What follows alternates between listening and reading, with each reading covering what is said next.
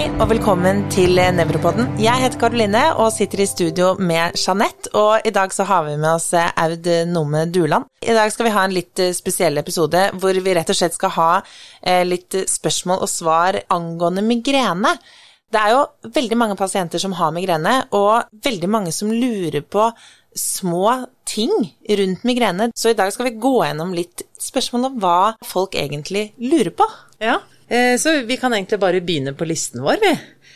Hvorfor, eh, hvorfor får man eh, migreneanfall av å drikke to glass rødvin?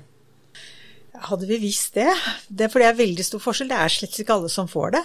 Det er så store individuelle forskjeller, og vi kan ikke helt svare på hvorfor noen får det. Nei. Men er det noen spesielle rødvinstyper du kan anbefale? Nei, jeg er ikke så veldig god vinkjenner, så jeg tror ikke jeg skal lage Jeg har i hvert fall hørt at uh, Cabernet Sauvignon det uh, kan gi deg litt mer uh, migrene enn andre druetyper. Ja. Men det kan godt bare det, være et rykte. Det er veldig forskjell, og det, det, interessante er jo at akkurat når det gjelder alkohol, så er det litt forskjellig hvor man bor i verden, om det er rødvin eller hvitvin som er det som regnes for å være migrenetrigger.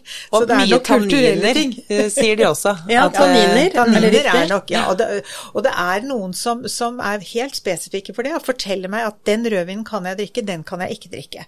Mm. Og så er det noen som sier ja, men nå er jeg i en fase, nå tåler jeg rødvin, og så er det en annen fase hvor de ikke tåler det. Så dette her er Det er veldig vanskelig å kunne gi noen eksakte råd på det. Ja, Men å drikke alkohol generelt, da? Kan det utløse migreneanfall? Hos, hos, noen gjør det det, uten tvil. Men, men hos andre så, så, gjør det ikke det. Det kan bare være avhengig av om du på en måte ellers er i en fase hvor, du, hvor terskelen for å få anfall kanskje er litt lav. Så hvis man ligger dagen etter og ikke har drukket så veldig mye, og har en sterk hodepine som forverrer seg av fysiske aktiviteter og ligger og kaster opp Ja, så er det en, en, en, en, en migrenøs hodepine, iallfall. Så da kan man skylde litt på det og ikke fillesyke, eller? Kanskje det er et godt spørsmål.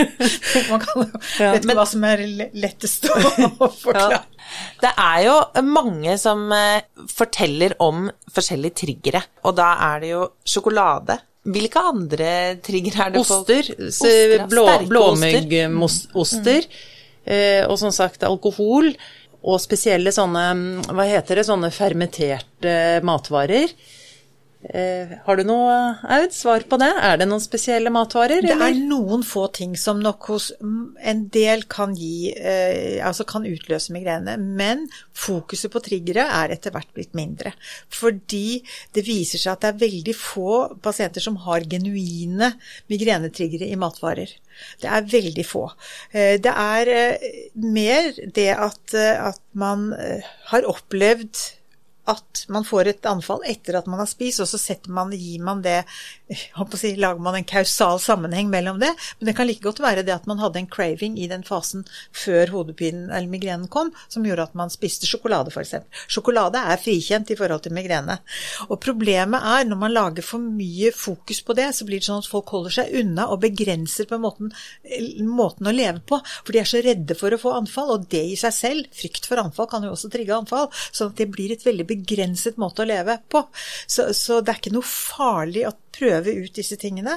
Og er, min erfaring er at det er veldig sjelden at folk har genuine triggere når det gjelder matvarer. Så det er rett og slett litt innbilning eh, og litt tilfeldigheter?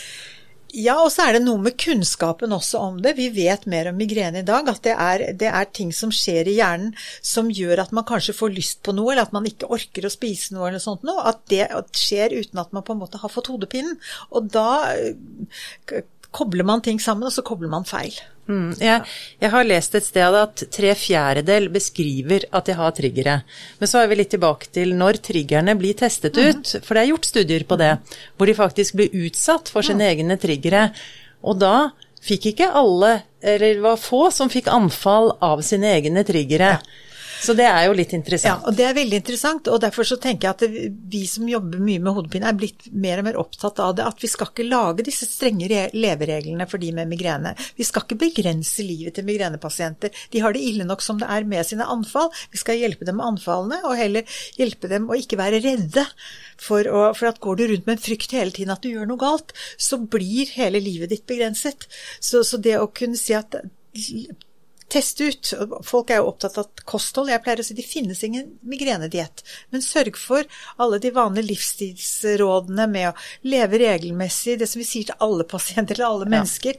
Spis Vær regelmessig. Vær sunn, fysisk aktivitet. Ja. Spis Sove. regelmessig, mm. sov godt og regelmessig.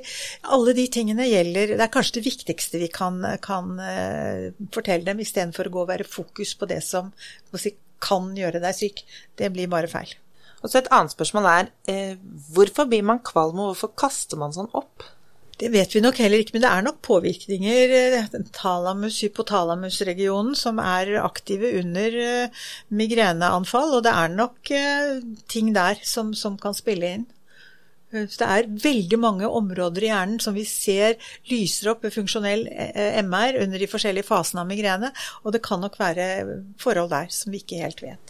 Nei. Kan man også få diaré ja. før anfall? Ja.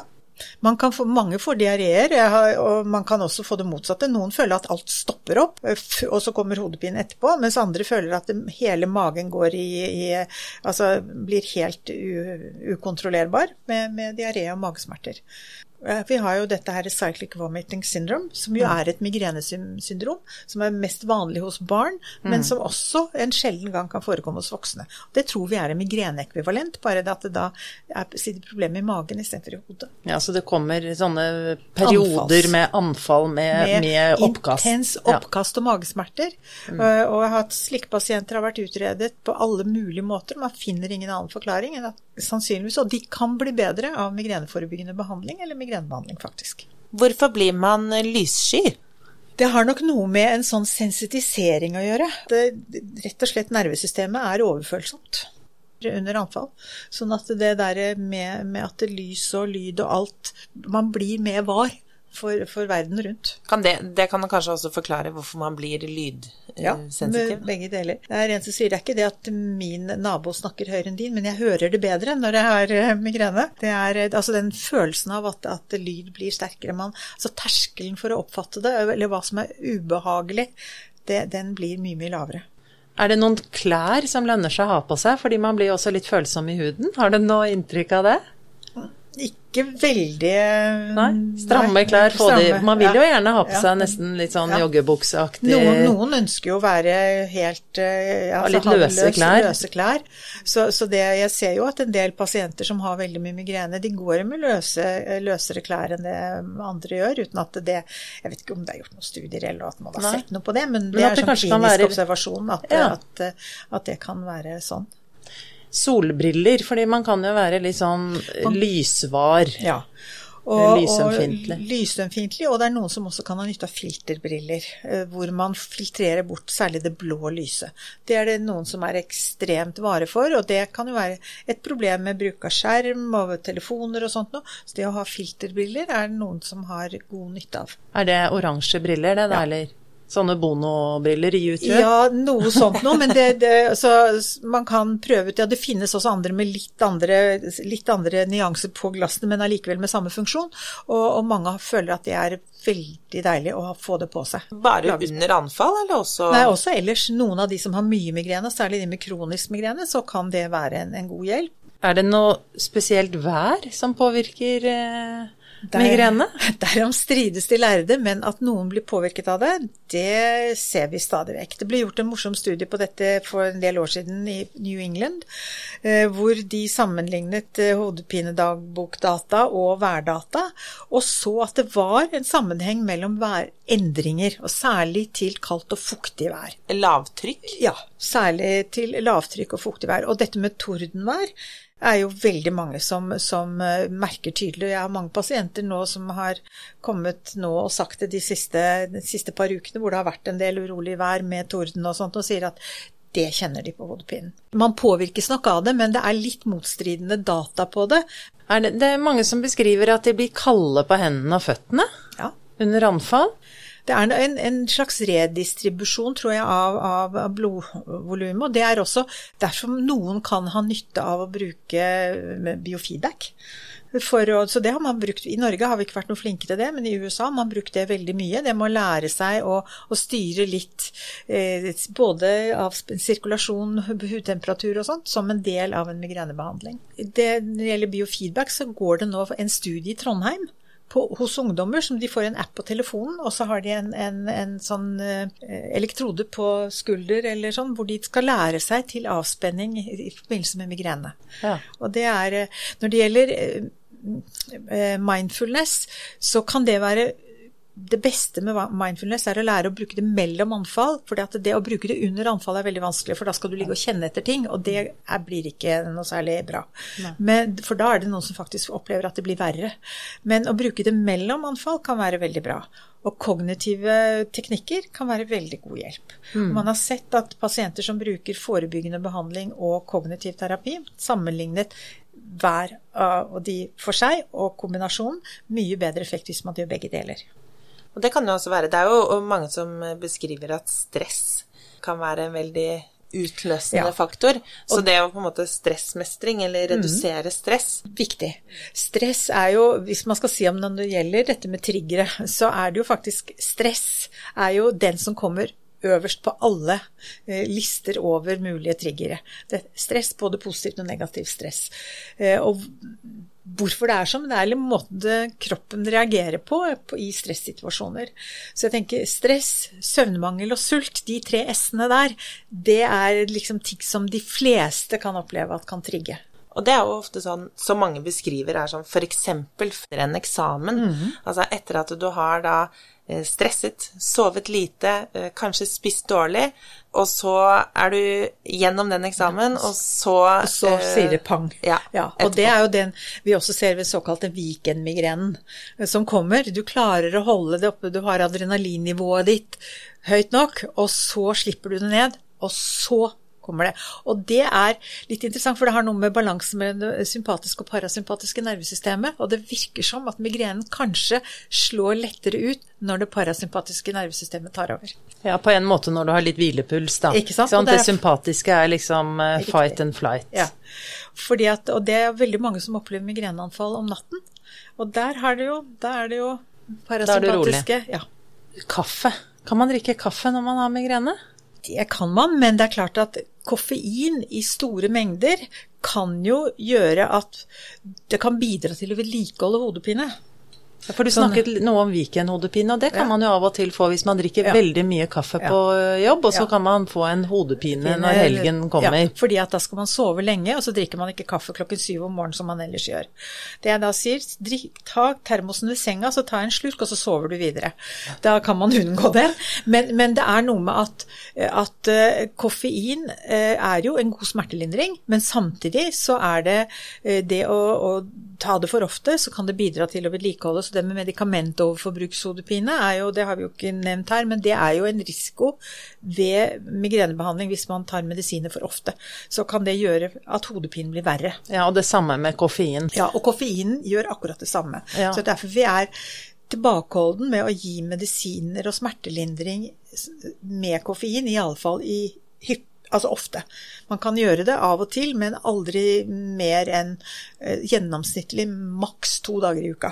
Mm. Ikke noe mer med, med, som inneholder koffein. Men eh, da er vi på stimulansia, eller mm. Eh, alt som man tar i seg. Kan man røyke og snuse når man har migrene?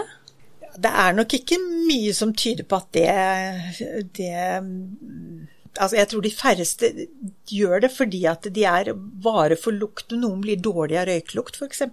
Mm. Men det hender jo at folk både røyker og snuser og sånn uten at det trenger å ha de store eh, utslagene. Mm. Vi anbefaler jo ikke det sånn nei, ellers. Sånn men, men, men, det er ikke derfor de har migrene, fordi nei, de røyker og nei, snuser. Det har vi ikke noe holdepunkt for. Og så må vi jo innom det med menstruasjon.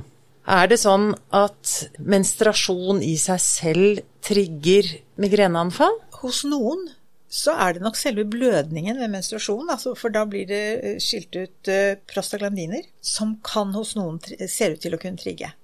Men i de fleste tilfellene så er det nok eh, hormonsvingningene i syklus som bidrar, og særlig fall i østrogen. Og for så vidt også kanskje litt i progesteron, men mest i østrogen, som kan trigge. Så noen har jo da, som har mye hormonell betinget migrene, vil ha migrene knyttet både til eggløsning og til Eh, til menstruasjon. Og det er eh, Anne McGregor i England. Hun fikk i oppdrag for mange år siden å motbevise sammenhengen mellom menstruasjon og migrene. Og hun klarte da selvfølgelig å bevise at det var en sammenheng, og laget veldig fine kurver som viser at når det hyppigst er eh, migrene relatert til menstruasjon, og det er når du har fallet i østrogen. Hva med eh, graviditet? Opplever folk å få mer eller mindre migrene under graviditeten? Statistisk sett så er det nok flere som blir bedre. Men det er også de som opplever sine første migreneanfall under øh, graviditet. Hvorfor blir folk bedre? Ja, og det har igjen med at under et svangerskap så har du jo stabile østrogen- eller østradiolnivåene. De blir høye, og de er stabile. Du får ikke det fallende som du har i en syklus. Det er det ene. Og så er det jo noen som får eh, migrene for første gang, men det er gjerne migrene med aura. Det, da jeg jobbet på Ullevål for eh, mange mange år siden, hadde vi ofte tilsyn på, på Gyn. Og da var det veldig ofte kvinner som var gravide, og som kom inn fordi de hadde fått uh, uh, symptomer som i etterkant viste seg å være migrenøs aura. Så da er det viktig å spørre etter disse aurafenomenene, mm. og om de bygger seg opp over mm. tid. Mm. Kvinner da i i fertil alder ja. Eh, med migrene. Med eller uten hormoner? Altså, de som, har, de som, har, en veldig klar menstruasjonsrelatert migrene, som er, og det viser jo statistikk at den er vanskeligere å behandle, det er tøffere anfall, så er det mange som kan ha nytte av enten hormonspiral eller eh, tilsvarende minipille, som de går på kontinuerlig, slik at de mister menstruasjonen. Så selv om for så vidt deres eh, hormoner fluktuerer noe under, så fluktuerer ikke så mye at det gir, eh, gir, eh, så mye migrene. Så mange blir veldig mye bedre med hormonspiral eller med, med minipiller. Så er jo diskusjonen da eh, Det er jo gestagen. Så er det jo dette med p-piller med østrogen. Der er det jo alltid en diskusjon. Vi anbefaler i utgangspunktet ikke østrogen til kvinner med, med aura. Risikoen for disse kvinnene er i utgangspunktet veldig lav, men allikevel så er vi forsiktige. Eh, men hos kvinner som ikke har aura, så er, ser jeg ikke noen grunn til å ikke gi dem, hvis ikke de får tilfredsstillende effekt av, av eh, en minipille eh, og av forskjellige grunner ikke ønsker spiral, så hender det at jeg setter de på lav, altså de mest lavdose kombinasjonspillene og lar de stå på det gjerne kontinuerlig over flere måneder, og så eventuelt en pause innimellom. Da kan de planlegge når de eventuelt blir dårlige dårlig. Og så er det før og etter overgangsalder. Hva skjer da? Det er veldig mange blir faktisk verre idet de kommer i overgangsalder, for da løper jo hormonene litt løpsk. Og da kan de få en periode hvor de blir veldig mye verre. Uh, og heldigvis, for statistisk sett, så, så, blir de fleste bedre etter overgangsalder, men dessverre ikke alle. Og en del, og det igjen, har de migrene med eller uten aura i forhold til dette med hormon uh, replacement therapy, som det heter på godt norsk, så er det jo hva, hva, vil, hva vil, man velge? Men noen ganger så har vi nesten ikke noe valg. Og, og jeg diskuterer lar iallfall gynekologene komme inn i bildet her og diskutere, for jeg vet det er litt forskjellige meninger i forhold til dette med bruk av østrogen og, og ikke. Ja, altså Det er bedre å bruke et hormonplaster enn å bruke tabletter. Fordi at tabletter gir mye mer svingninger i serumkonsentrasjonen. Og det er det vi ønsker å unngå for å forebygge migrene. Mens et plaster gir mye jevnere serumkonsentrasjon og kan sånn sett kanskje redusere noe av de migrenerelaterte hormonsvingninger. Ja, Så igjen gå til legen, og eventuelt henvise til spesialist mm. i de fasene hvor migrenen endrer seg. Ja. Ja, så hvis man får endring av migrenen i forbindelse med overgangsalder, mm. og også tidligere, hvis mm. man får, har veldig mye plager i forbindelse med menstruasjon, så lønner det seg å gå til lege og gynekolog, involvere de også, eh, sånn at man får litt orden på migrenen. Mm. Da ja. syns jeg egentlig at vi har fått veldig mange svar her. Enig. Jeg kommer ikke på noe mer å, spørre om, i hvert fall. Kanskje du har noen spørsmål som mange stiller til deg? Det er veldig mange som kommer med mange rare symptomer og lurer på kan dette ha sammenheng med migrenen. Og jeg må si at jeg blir nesten aldri forbauset lenger over hva slags symptomer folk kan føle at de har relatert til migrene. Både i forhold til dette med, med føleforstyrrelser, i forhold til dette med at de føler seg syke i kroppen. Noen kan føle at de får feber. Og det er, eh, tror jeg vi skal være litt obs på. Dette med at migrene er som sagt ikke bare hodepine, men det er en sykdom hvor hodepine bare er en del, eller en bit av symptomatologien. Tusen takk for at eh, du ble med oss i dag, Aud. Veldig hyggelig å være her.